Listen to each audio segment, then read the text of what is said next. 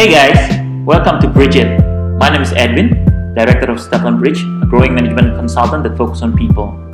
Bridge It is a podcast dedicated to learn, share, and discuss insight about leadership, development, and business from people point of view. Let's check it out. In this episode, we're going to talk about five strategies to support your employees through crisis. Halo Bridger, selamat datang kembali nih di podcast kita kali ini nih. Aku Vita, aku hari ini ditemenin sama dua orang temen aku nih yang asik, rame, Yeay. terus juga cantik dan ganteng juga nih. Ayo dong kenalin kalian. Hi Bridgers, this is Feby again. Nice to meet you. Oke, eh, satu lagi nih yang ganteng banget. Amin ya Allah. Hai Bridger. Wow. Hai Bridgers, bagaimana kabar? Semoga semua stay safe and stay healthy di situ. Amin. Amin. Ini Wira yang akhirnya setelah beberapa purnama kembali menemani Bridgers semua di episode Bridget kali ini. Nice. Berarti hari ini harus paling heboh ya, Wir. Lu ditungguin Diusahakan, ber, ber, ber- Iya. beberapa purnama. Oke. Diusahakan. Oke, jadi nih hari ini kita bakal ngebahas topik nih yang bakalan jadi insight untuk kalian semua nih tentang Yes. gimana sih caranya kita mengatasi atau support pegawai kita atau teman kerja kita di dalam masa pandemi ini. Nah, karena Hmm. kenapa kita harus nge-support? Karena kalian tahu kan kalau COVID-19 ini sebenarnya bikin krisis nih di mana-mana ada krisis ekonomi, ada krisis sosial juga, terus ada rutinitas orang-orang yang pastinya berbeda juga, apalagi di dunia kerja nih. Karena kan semuanya kan mulai jadi work from home tuh, jadi nggak ada yang from office, mungkin ada beberapa, tapi Yes. nggak semua juga kan. Dan rata-rata emang work from home juga. Nah jadinya pasti tuh rutinitasnya pasti ikut berubah, rutinitas kerjanya, cara kerjanya orang-orang. Nah dari sini nih aku mau tahu dong kalian berdua punya nggak sih pengalaman gimana sih cara nge-support teman kerja kalian Hmm. atau pegawai kalian nih dalam mengatasi pandemi ini gimana sih caranya kayak kita tuh supaya semangat terus nih dalam pandemi ini Hmm. karena padahal tuh kita work from home gitu gimana nih cara supportnya mereka supaya tetap semangat terus oke Boleh, boleh. Gue duluan kali ya. oke Monggo, monggo. Oke, jadi kalau dari berdasarkan cerita yang gue dengar ataupun pengalaman gue dari kita awal WFH sampai sekarang itu, salah satu main problem yang lumayan tentara itu adalah kondisi di rumah masing-masing. Jadi kan kalau dulu kan lingkungan kerja kita itu kan tanda kutip dapat dikontrol dan dapat kita lihat gitu ya maksudnya dan dan rata-rata kondisi kerjanya similar kayak kita di kantor yang sama suasananya sama fasilitas yang kita dapat juga sama kayak gitu. Karena kita di satu tempat. Nah sekarang karena kita di rumah masing-masing jadi keadaan tuh berbeda-beda nih sesuai dengan keadaan di rumah masing-masing. Ada yang misalnya punya tugas di rumah atau mungkin internetnya di rumah sebenarnya kurang mendukung untuk kerja segala macam gitu-gitu. Nah salah satu cara atau enggak metode juga sih pokoknya salah satu cara buat kita untuk tetap nge-support either itu bawahan kita atau misalnya teman satu tim kita deh supaya mereka bisa tetap eh, semangat ataupun kerjaannya juga semakin enak lah dijalaninya meskipun banyak hambatan di rumah. Itu salah satunya adalah dengan mengenali hambatan mereka tuh apa sih sebenarnya di rumah the main problem. Misalnya ada satu teman kita yang aduh internet gue di rumah tuh susah banget koneksinya bla bla bla kayak gitu. Nah misalnya kita bisa dengan oh si ini internetnya nih susah jadi bisa kita ajak omong eh lo tuh biasanya paling enak tuh koneksi lo biasa lancar di jam berapa aja kayak gitu. Terus seberapa banyak sih berapa kali sih down internet di rumah lo kayak gitu. Nah kalau misalnya berapa banyak down lo kira-kira bisa ngerjain kerjaan nih berapa banyak nih gitu. Jadi mungkin beberapa kerjaan dia ada yang loadnya kita kurangi atau kita sesuaikan lah dengan kemampuannya dia. Terus juga dengan kalau misalnya yang udah berumah tangga sebagai ibu atau ayah yang harus ngurus anak ataupun sebenarnya seumuran kita kalau masih tinggal sama orang tua sometimes kan kita disuruh I don't know ada yang mungkin suruh nyuci lah suruh kerjain pekerjaan rumah yang lain. Nah kita tanyain lo biasanya tuh paling enak kerjaan jam berapa? Terus jam berapa? Jadi kita bisa koordinasinya maksimal di jam segitu gitu. Jadi kenalnya masalah utama atau hambatan utama yang kita yang dihadapin teammates kita supaya kita bisa addressing supaya kita bisa cariin bantu bantuin cariin solusi untuk uh, way of workingnya dia on day to day basis gitu. Kalau Wira sendiri gimana Wir? Ada cerita atau ada saran nggak? Betul banget sih. Jadi bener aku setuju banget sebenarnya sama Feby, bicarain sama Feby juga dari beberapa cerita-cerita teman aku ya dan juga ngulik-ngulik gitu online ya memang sebenarnya tantangan terbesarnya adalah selama pandemi ini itu ya yang terchallenge itu bukan hanya perusahaan tapi bener banget tadi kata Feby juga orang-orang di rumah juga terchallenge gitu selain perusahaan dan juga memang para karyawannya gitu kan yang mengalami perubahan yang lumayan drastis gitu ya. Yes. Kalau dari kalau dari aku sendiri sih mungkin salah satu yang paling basic aja ya mungkin tadi sempat disinggung sama Feby juga sedikit bahwa to reach out gitu loh untuk menunjukkan support gitu dari kantor atau misalnya dari even personally dari leaders gitu ya please reach out to your well gitu ya anggota tim, colleague, rekan kerja semua reach out to show your support. Hey, if you need help with this, I can uh, help atau gimana. Atau misalnya kalau misalnya uh, if you're an entrepreneur gitu ya misalnya, maybe bisa disiapkan kebijakan untuk assistance nih. Dan assistance itu seperti apa? I think it will be a great idea juga untuk provide suatu jenis assistance itu yang idealized gitu. Jadi kita tailor ke uh, tiap-tiap karyawan. Of course ini kalau memang situasi yang memungkinkan ya. Kan tadi yes, sempat dibilang di situasi di rumah orang juga banyak banyak beda-beda gitu ya. Ada yang mungkin keluarga muda gitu ya, masih ada anak anak kecil di rumah, sementara papa mamanya yes. dua-duanya harus sambil kerja gitu kan. Mm-hmm. Uh, orang-orang yang dengan situasi keluarga yang seperti itu tuh akan beda tantangannya dengan mungkin orang-orang yang oke okay, memang masih single tapi jadi jatuhnya dia harus ngerjain apa-apa kerjaan rumah sendiri kayak gitu kan Nah, jadi mungkin salah satu caranya dengan individualize, kayak maybe kita bisa provide kayak working hours yang lebih adjustable atau misalnya kita bisa create misalnya, oh oke okay, bahwa pagi ini misalnya anaknya harus sekolah harus dibantuin dulu apa segala macam, oke okay, maybe dia reportnya maybe dipindah ke siang kayak gitu atau misalnya kita bisa provide other types of assistance yang memang sesuai dengan kebutuhan para mm -hmm. karyawan ini masing-masing gitu ya karena it just uh, shows that our company is willing to go the extra mile kayak gitu instead of yes. just kayak oke okay, uh, eh, kita work from home jam kerjanya jam segini sampai jam segini ya. Misalnya jam 8 sampai jam 5 gitu kan. Sementara mungkin ada yang harus ngurusin anaknya sekolah atau gimana. Atau misalnya mm-hmm. bahkan uh, aku juga mendengar kasus kayak oh well that's too bad kayak gitu. Misalnya kayak oh well that's too bad we have to take care of other things tapi jam kerja kita jam segini lah lah lah lah kayak gitu. Ah so, I see. jadi kayak nggak mau tahu gitu ya? Uh, ada juga model-model yang seperti itu kan. But I think uh, in this type of situation gitu ya. Uh, especially if you can afford it gitu ya. The company can afford it. Penting banget untuk menunjukkan kepedulian sih compassion kayak gitu. I jadi see. juga untuk mengangkat atau semangat mungkin atau motivasi atau bahkan even sekedar meringankan beban yeah. seberapa persen sih para karyawan ini gitu ya. Betul betul betul. Kan tidak tidak mudah gitulah ya teman-teman. Mm -hmm. itu sih kalau dari aku mungkin I see uh, gue mau nambahin juga nih mungkin satu hal ini bisa dari sisi leadernya gitu untuk men-encourage dan memberikan tetap memberikan challenge sama timnya dan kayak you know keep the fire burning gitu. Misalnya kan dalam kondisi kayak gini kan rata-rata pasti leader punya tanggung jawab yang lebih apa ya lebih berat dalam arti kita menghadapi situasi yang belum pernah dihadapin sebelumnya. Jadi kayak dia harus manage berbagai macam hal yang aduh sebelumnya nih gue nggak tahu nih caranya gimana karena gue nggak pernah handle ini gitu. Nah jadi ketika misalnya si leader tim leadernya ini udah kelabakan nih ngurusin satu hal misalnya ngurusin apa strategi making new strategy tapi di satu sisi dia dia jadi kayak misalnya kewalahan nih ngurusin timnya. Nah bisa aja dia mendelegasikan tugas itu ke tim membernya yang lain gitu. Nah di satu sisi tim member itu akan ngerasa wah gue dikasih uh, tanggung jawab lebih nih. Berarti gue mendapatkan kepercayaan kayak gitu. Nah di satu sisi tapi sometimes kan orang menerimanya beda-beda ya. Ada yang ngerasa aduh kerjaan lagi nih buat gue gitu kali ya.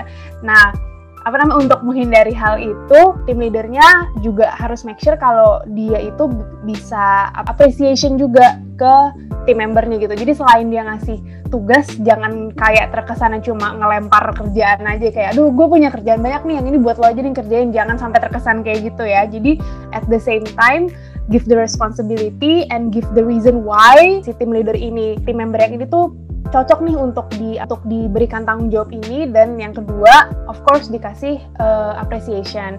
But not only to this specific team member tapi juga the whole team. But anyway one of a good apa ya good strategy lah for the team leader untuk tetap apa ya bisa kasih challenge lah ke team membernya. Kayak gitu sih menurut gue. So it's back again to good management ya. Iya benar banget. Iya, yeah, but in a way that we have never tried before. Yes. benar sih.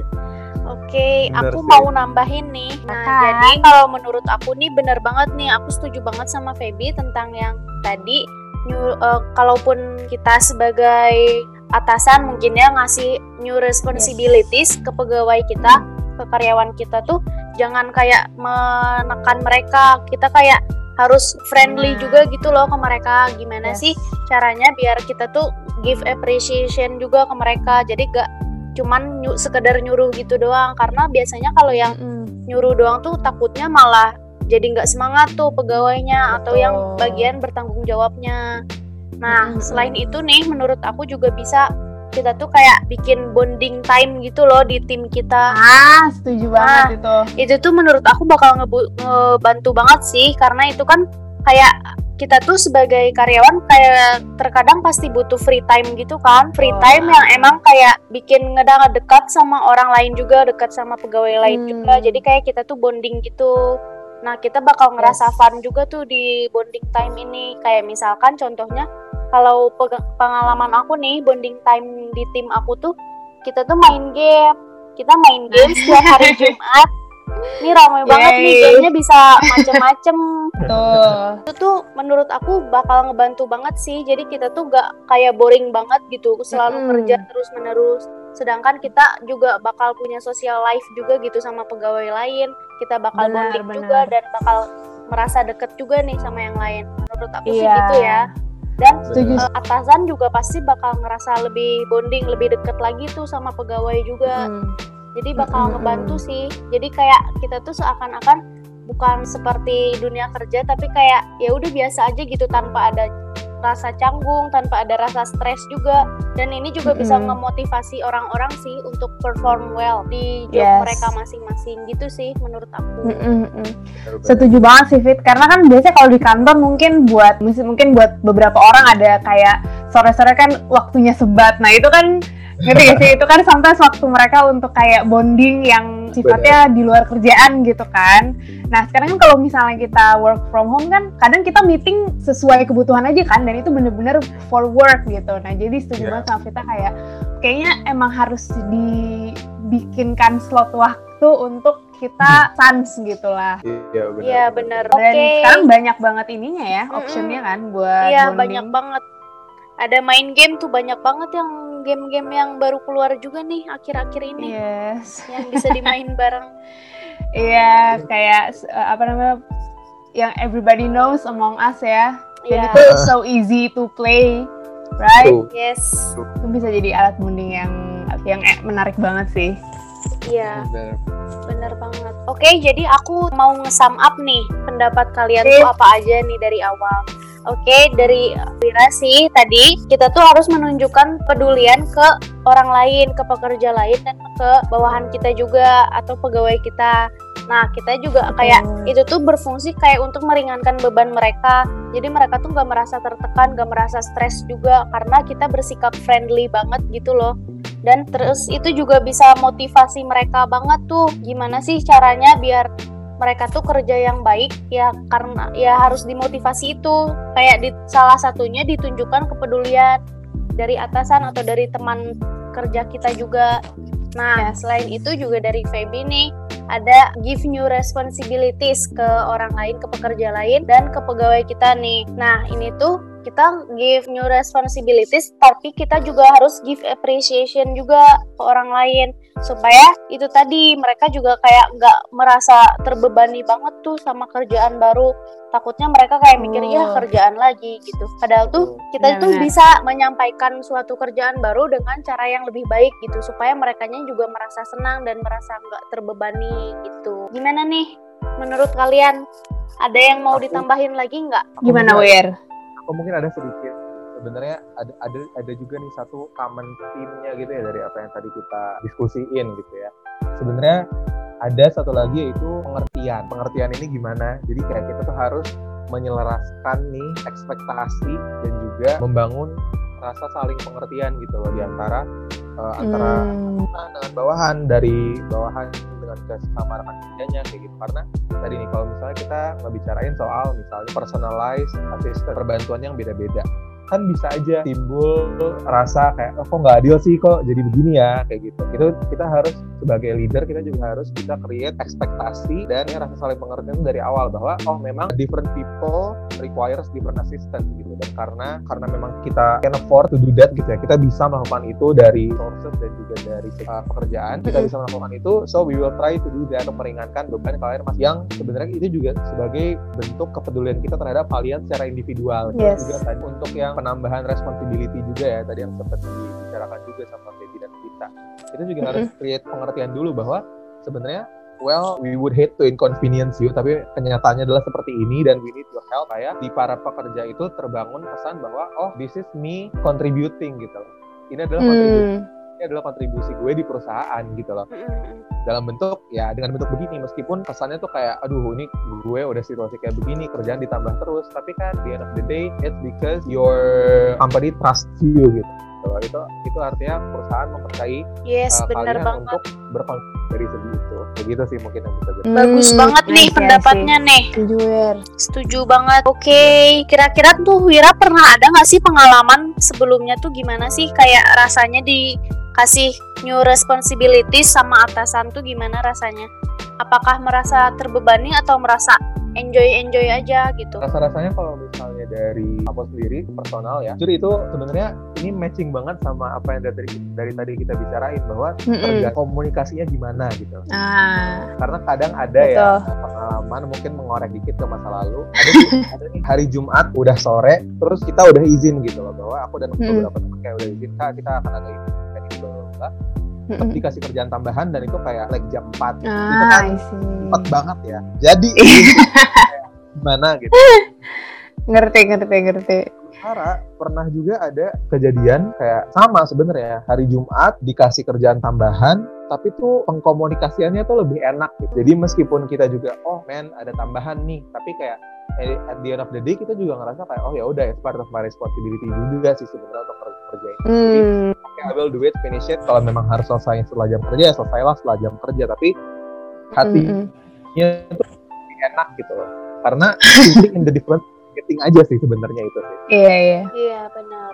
I see, I see. Kalau Jadi menunjukkan compassion. Kenapa tuh? Pengalaman, Pengalaman kayak Wira ya. gitu. Mm. Hampir sama sebenarnya kayak Wira, tapi kalau Wira kan enggak sih hampir sama juga gue. Jadi perbedaannya adalah gimana cara penyampaiannya. Jadi waktu itu yang satu itu gue diinfokan like right the last minute ketika gue udah mau shutdown komputer gue and then it has to be done right there right now gitu. Jadi kayak oh ya udah gitu. Nah, uh, apa namanya? Tapi yang satunya lagi the leader actually apologizes first and ask uh, for my understanding kalau this is urgent and we need you. Kenapa harus lo nggak gue? Karena lo punya udah pernah bikin report ABCD kayak gitu loh. Jadi mungkin some people considering it as basa-basi ya, tapi menurut gue ketika lo basa-basi dengan informasi yang benar, fakta, nah itu itu gampang diterima. Kayak ketika yang pengalaman gue yang satunya itu ketika gue dikasih kerjaan itu last minute, tapi gue dikasih tahu kenapa itu urgent. Pertama, tugasnya kenapa itu urgent dan yang kedua adalah kenapa harus gue ngerjain kayak gitu. Dan dia ngerjain karena memang gue punya datanya dan karena memang gue punya pengalaman bikin report yang sama seperti itu dan karena mereka butuh cepat jadi mereka butuh orang yang udah tahu nih cara ngerjainnya kayak gitu.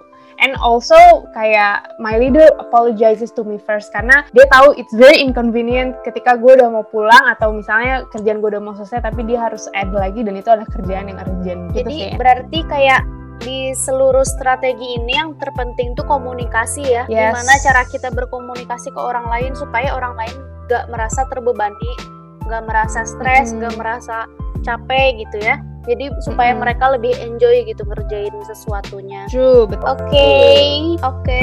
Thank you nih untuk Feby dan Wira hari ini juga, udah Wira. nemenin aku diskusi ya untuk podcast kali ini yang pastinya nih menurut kita bertiga pastinya bakal ngebantu kalian nih gimana sih cara nge-support orang lain, support pekerja lain, support pegawai kita supaya mereka lebih ngerasa enjoy daripada merasa terbebani. Oke. Betul. See you Bridgers and thank you Bridgers for listening. Bye. Bye bye. See you next week, Bridget. Don't forget to listen to our podcast every Wednesday on Spotify, Apple Podcast, and Google Podcast. Visit our website at stevlinbridge.com. Follow us on Instagram at stevlinbridge. And for any inquiries, please email to contact at stevlinbridge.com.